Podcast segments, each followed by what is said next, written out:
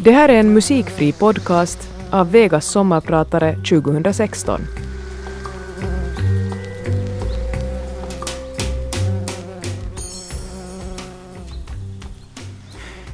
I Bryssel under senare delen av 1990-talet hade jag en sekreterare, Marissa Pinocchio, hemma från Italien som var mycket duktig och som tyckte att jag var lite konstig. Men så en kväll gick hon på bio och såg en finsk film, en film av Aki Kaurismäki, Kauaspilvet Karkavat tror jag det var. Och nästa dag sa hon åt mig, nu förstår jag dig mycket bättre. Den hon förstod bättre är jag, som heter Sixten Korkman och är dagens sommarpratare.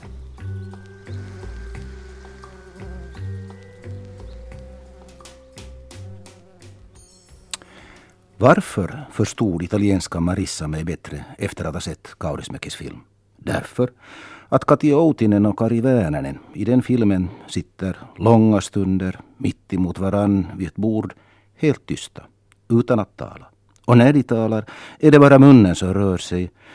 De talar utan att gestikulera, ansiktet är orört, mimiken är minimal det är bara ögonen som röjer deras känslor, som ibland är nog så passionerade, vilket den socialt begåvade Marissa hade lagt märke till.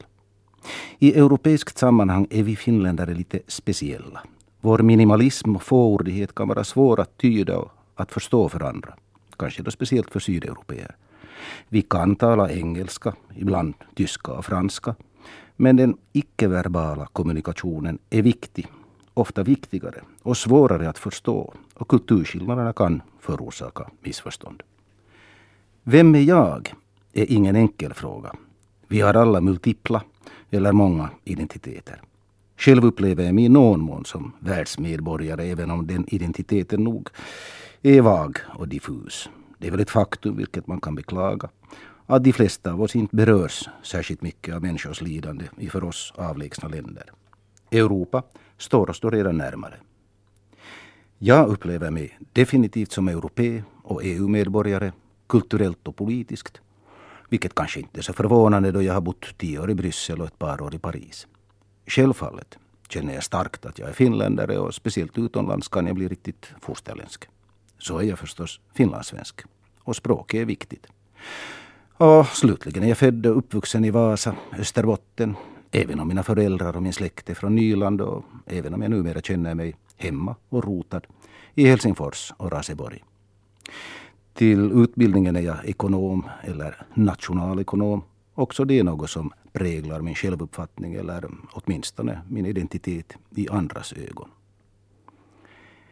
En konsekvens av min österbottniska identitet är att jag i barndomen i allra högsta grad tagit del av den svenska eller rikssvenska kulturen.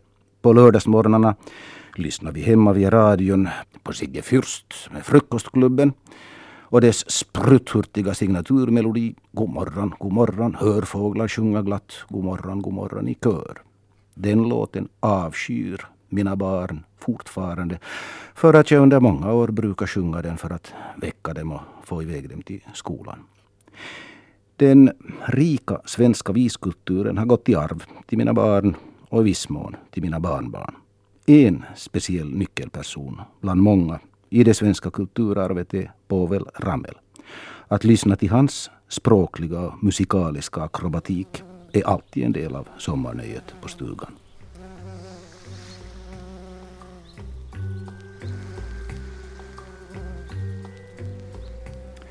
Jag var 16 år när jag första gången sommarjobbade som sjöman jag mönstrade på som däcksgutte som det hette, på en norsk båt i Narvik.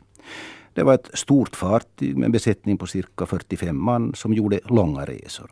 Sommaren 1964 gick vi först från Narvik till Antwerpen. Därifrån gick resan till Conakry, Guinea, Västafrika.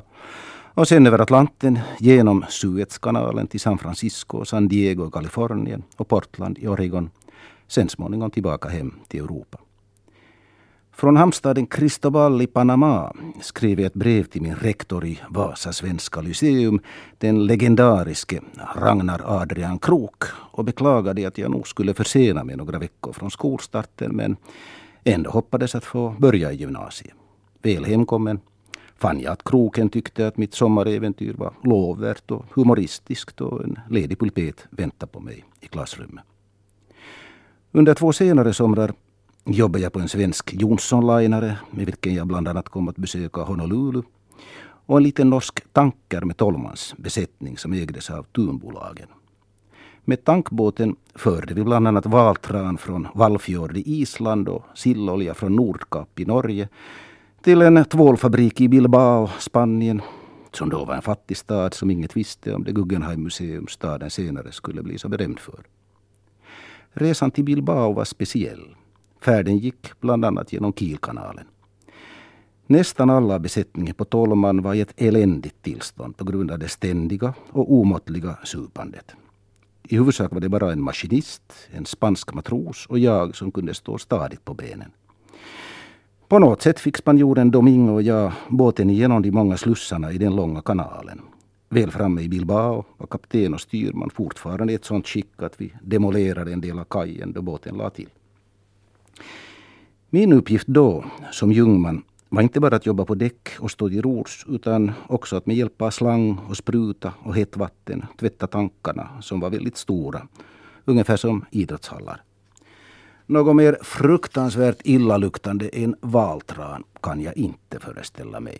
Men eh, värre var att tvätta tankarna efter att vi haft bensin i lasten. Inte minst på grund av risken för gasförgiftning. Mina eskapader som sjöman fick en liten epilog då jag senare var officerselev i ROK i Fredrikshamn. En svensk styrman som under en tidigare sommar lånat en smärre summa pengar av mig ville passa på att betala sin skuld till mig då hans fartyg råkade vara på väg till Kotka. Jag tog några vänner bland eleverna med mig och på kvällen besökte vi fartyget i uthamnen i Kotka. Jag fick mina pengar och vi blev bjudna på diverse förfriskningar, eh, vilket drog ut på tiden och på morgonnatten blev vi haffade av militärpolisen. För min del slutade det med sju dagars arrest som jag efter avslutad officersutbildning som nybliven aspirant avtjänade i finkan i Nylands brigad i Dragsvik.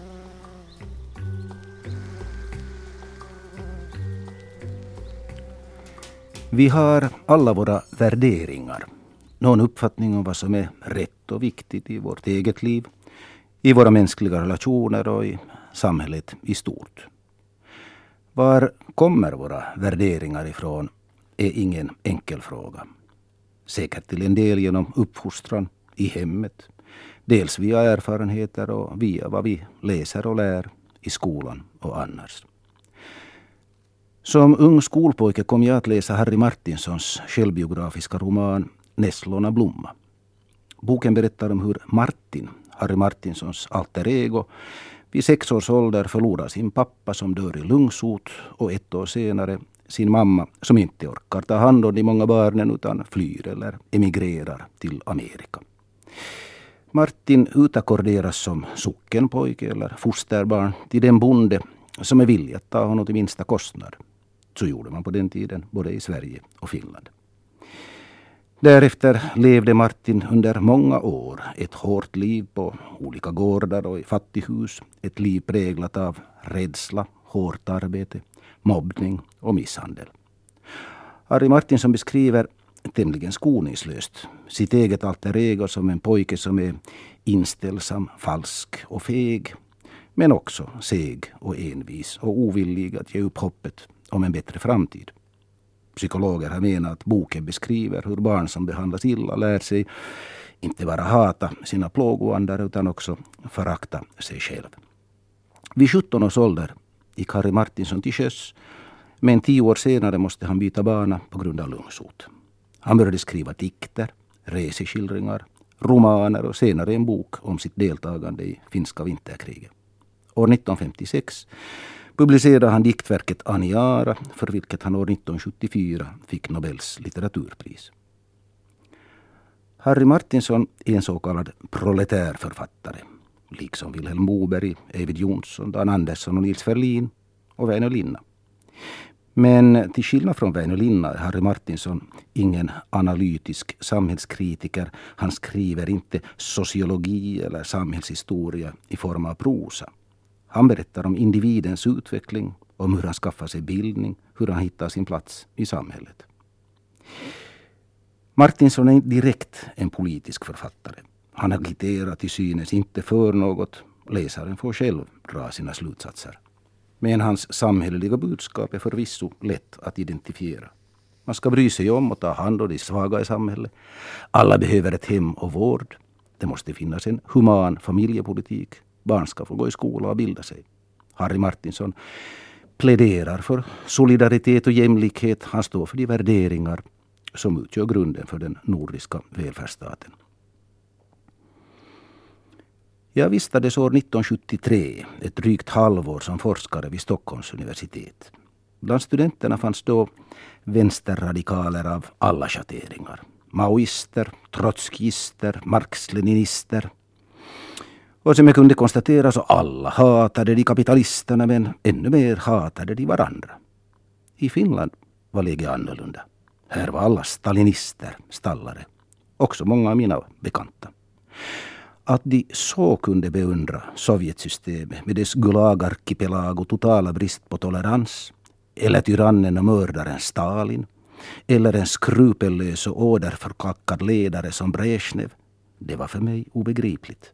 Ett mysterium. Och är det nog fortfarande. Inte har jag heller för övrigt någon sympati för den typ av marknadsfundamentalism som vill maximera det individuella ansvaret och minimera välfärdsstaten. Men den som har läst Harry Martinsons Nässlorna blomma i sin ungdom, han eller hon torde nog, eller borde nog, vara vaccinerad och immun mot den typ av stupid fanatism som exemplifieras av både stalinister och marknadsfundamentalister.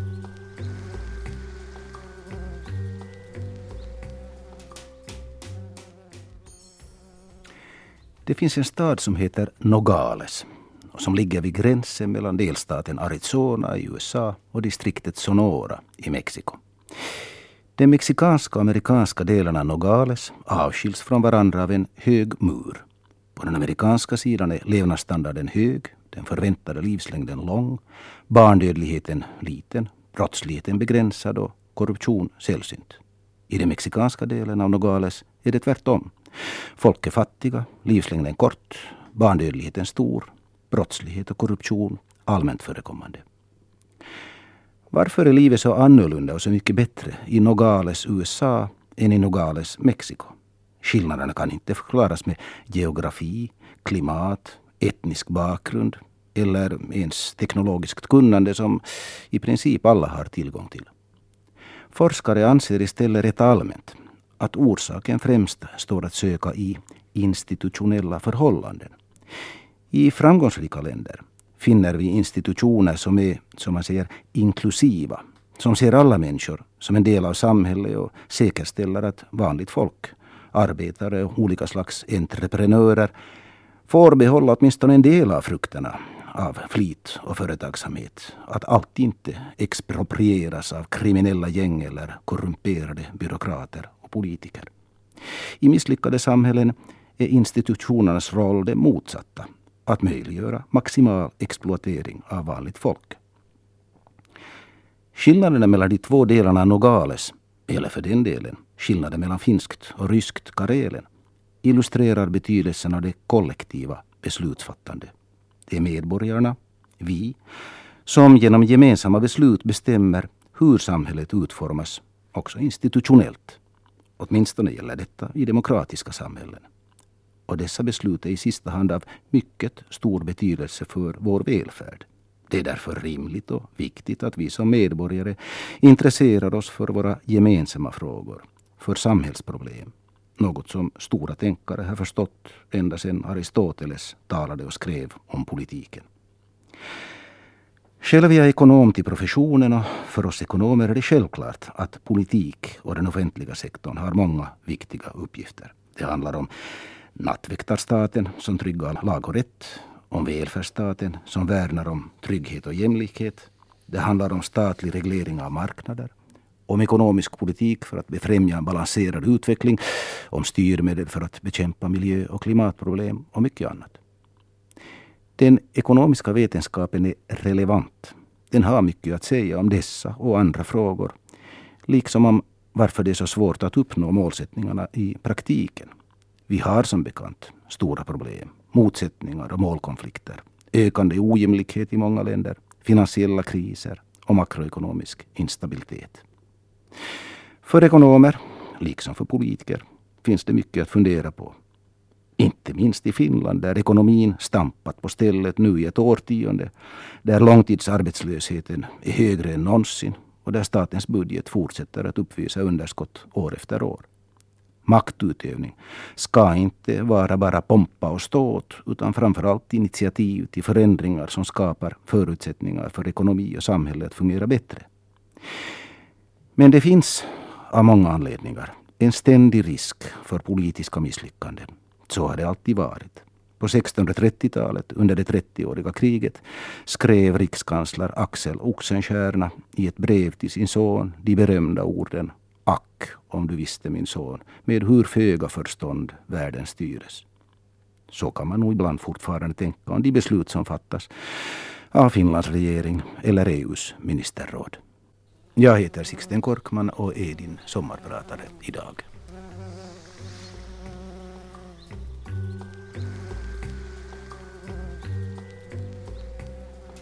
Den 15 september år 2008 gick den amerikanska investeringsbanken Lehman Brothers i konkurs.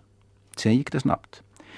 Inom ett par veckor var hela den globala finansmarknaden i total panik. Bostads och finansbubblorna sprack och de ekonomiska kurvorna vände brant neråt. Följande år sjönk totalproduktionen i OECD-området med 3,5 procent, i Finland med 8,5 procent. Den nedgående spiralen kunde brytas endast genom en samordnad penning och finanspolitisk expansion i USA, EU och Kina. Men fortfarande lever vi med sviterna av den globala finanskrisen. För oss finländare är en finanskris inget nytt. Under början av 1990-talet, då jag själv jobbade på finansministeriet, upplevde vi en exceptionellt allvarlig kris med en BNP-nedgång på över 10 procent och en ökning av arbetslösheten till nära 20 procent. Också då var bakgrunden en bostads och finansbubbla som sprack och som under tidigare år förorsakats av bankernas ohämmade utlåningstillväxt. En starkt bidragande faktor var också Sovjetunionens sammanbrott en i och för sig mycket välkommen utveckling som dock raserade vår östexport vid en för oss oförmånlig tidpunkt. Kriser har förekommit lika länge som banker och finansmarknader. Men mitt intryck är att den finansiella instabiliteten under de senaste årtiondena har ökat, accentuerats. En delorsak är att man på 1980-talet till en del skrotade den strikta finansiella reglering som var vanlig under de första årtiondena efter det andra världskriget. Men det finns också andra orsaker, såsom makroekonomiska imbalanser. Den tidigare svenska finansministern Per Nuder berättade en gång att han hade funderat mycket på vem som bar skulden till den globala finanskrisen. Det är ju det vi vill veta. Vem är det som är skyldig? Och han hade slutligen kommit till att han nog visste namnet på mannen. Klart att den skyldiga är en man. Kvinnor ställer inte till med en sån kalabalik. Mannen heter eller hette Deng Xiaoping. Varför? Jo, för att denna kinesiska ledare på 1980-talet öppnade Kina för utrikeshandel och globalisering och för att han dessutom slopade eh, företagens sociala skyldigheter mot sina anställda gällande hälsovård och pensioner. Resultatet var att Kina blev världens fabrik för industrivaror och samtidigt hade en extremt hög sparkvot då folk sparar för sin ålders höst och därför stora överskott i sin utrikeshandel med vilka Kina köpte värdepapper, speciellt amerikanska statsobligationer, för tusen och åter tusen miljarder dollar. Den kolossala ökning av likviditeten i det globala, framförallt det amerikanska finansiella systemet som härmed uppstod är en del av bakgrunden till den globala finansiella och ekonomiska krisen. Det finansiella systemet har vuxit sig stort, allt för stort. Och det hotar ständigt att förorsaka självförstärkande imbalanser och därpå följande kriser. Härtill kommer att myndigheterna och skattebetalarna på olika sätt tvingas bistå storbankerna då dessa riskerar att hamna på obestånd. Många banker är som man säger too big to fail Vi har skapat ett system, ett perverst system, där samhället tillåter och rent av subventionerar en excessiv risktagning av bankerna. En risktagning som är alltför stor och mycket skadlig från samhällets synpunkt. Ekonomisk stabilitet kan tryggas endast om framförallt USA och EU tillsammans är politiskt villiga att reglera och styra bankernas verksamhet betydligt hårdare än vad som hittills varit fallet. Om inte är det bara en tidsfråga när vi drabbas av nästa finansiella kris och dess katastrofala konsekvenser.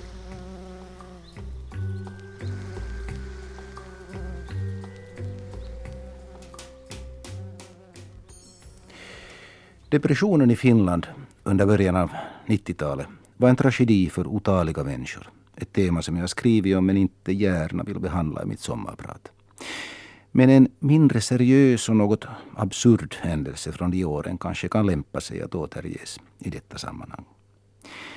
Det var under depressionsåren oundvikligt och viktigt att staten kunde låna pengar från utlandet. Det var oundvikligt eftersom budgetunderskotten inte kunde elimineras i en handvändning trots att den sittande finansministern minsann gjorde sig känd för sin spariver. Det var viktigt eftersom det utländska förtroendet för de finska bankerna var svagt och dessa därför hade problem med sin internationella re eller återfinansiering. Staten måste låna i utlandet dels för att täcka sina budgetunderskott, dels för att trygga landets valutareserv. Tillsammans med statsministern eller finansministern och tjänstemän från finansministeriet kom jag under de åren att besöka finanscentra som London, New York, Hongkong och Tokyo för att delta i diskussioner och förhandlingar som syftade till att trygga den finska statens utländska upplåning. I Tokyo hände det sig att vi efter en lång dags tunga förhandlingar och allvarsamma presentationer av det finska ekonomiska läget var bjudna på middag av Japans största institutionella investerings eller placeringsföretag. Under middagen dracks det en, del sake och stämningen blev efterhand allt mer uppsluppen.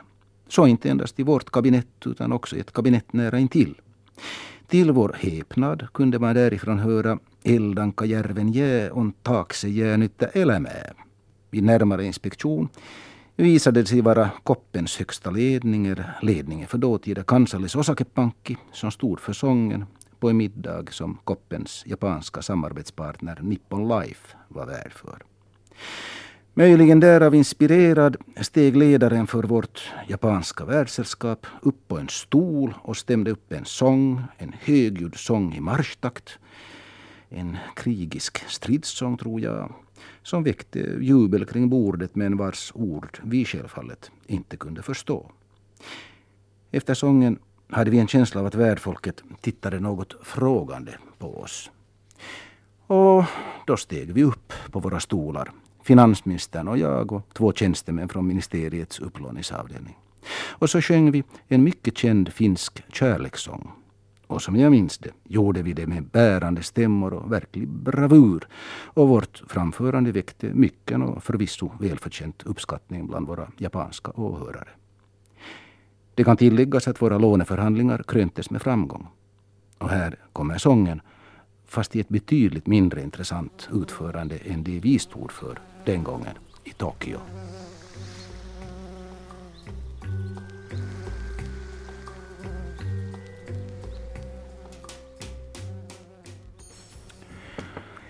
Den Europeiska unionen kämpar som bekant med stora svårigheter. Tillväxten är anemisk, flyktingproblematiken väntar på sin lösning, euron har skapat motsättningar mellan syd och nord, Storbritannien överväger utträde ur unionen. Och ändå, i historisk och internationell jämförelse är Europa idag något av ett paradis på jorden. Vi har i Europa aldrig haft en så lång period av fred som nu. Levnadsstandarden är för flertalet högre än någonsin. Den genomsnittliga inkomstnivån i till exempel Spanien, ett land som under de senaste åren har genomgått en lång och svår kris, är nu, trots krisen, nästan dubbelt så hög som år 1980. Europa toppar listan för länder med hög förväntad livslängd, god hälsa, låg barndödlighet, hög utbildning och mycket annat av värde. Men varför har vi då all denna kritik av EU? Med bakgrund som tjänsteman i EU under tio år tycker jag mig kunna se åtminstone tre anledningar. För det första har vi stora problem och det är mycket som EU borde kunna hantera bättre. Det finns fog för kritiken av alltför mycket byråkrati och dålig effektivitet. För det andra har vi ett svårlöst demokratiproblem. Det är inte så att EU som konstruktion skulle vara odemokratisk. Grundfördraget har i demokratisk ordning godkänts och ratifierats av befolkningen i alla medlemsländer. Men inslaget av överstatligt maktutövande är betydande i EU och förankringen av detta hos befolkningen är bristfällig. Framförallt är det emellertid frågan om de stora omvälvningar och den svåröverskådliga komplexitet som bland annat digitalisering, globalisering och finansialisering för med sig. Den demografiska förändringen, förgubbningen och förgumningen av befolkningen har också sin betydelse. Om allt detta och annat får vi en myckenhet information, men informationen är fragmentarisk och ofta svårtolkad. Och samtidigt är det allt svårare att tillfredsställa medelklassens krav eller aspirationer gällande jobb, inkomster och trygghet. Så folk förstår inte vad som händer och blir frustrerade och förbannade. De är rädda för förändringar och känner ovilja. Eller rent av hat mot det främmande, det som kommer utifrån. Allt detta ger grogrund för populisternas enkla budskap. De påstådda syndabockarna inkluderar EU, flyktingarna och den ekonomiska och politiska eliten. Så argumenterar Donald Trump i USA, Marine Le Pen i Frankrike, populisterna i alla länder. Som någon klok man eller kvinna har sagt, till varje svår fråga finns ett svar som är enkelt och attraktivt och felaktigt. Populismens väg är en återvändsgränd. Vi behöver i själva verket mer än någonsin ett fungerande internationellt samarbete och EU som gemensam europeisk aktör. Annars kommer vi aldrig att kunna hantera sådana problem som finansiell och makroekonomisk instabilitet, skattefusk, klimatproblem eller hoten mot inre och yttre säkerhet. En av Europas starka sidor är kulturen. Den har en lång och ärofull historia den är mångsidig och rik. Det finns mycket i den som är gemensamt, men det finns också nationella särdrag. Jean Sibelius, Alvar Aalto och Alexis Kivi är nationella stormän i vårt land, men de skulle aldrig ha blivit vad de blev utan det kulturarv och de impulser de fick från Europa. För mig framstår det som fascinerande att till exempel italiensk barockmusik idag uppförs i Finland mer än någonsin tidigare. Det är bara en av otaliga påminnelser om att Finland, gränslandet mellan öst och väst, alltid har varit, önskat vara, är och förblir en del av Europa.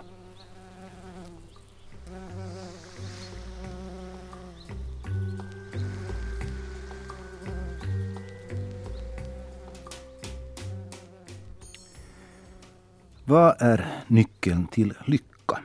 Handlar det om pengar? Blir man lyckligare om man får mer pengar, högre inkomst?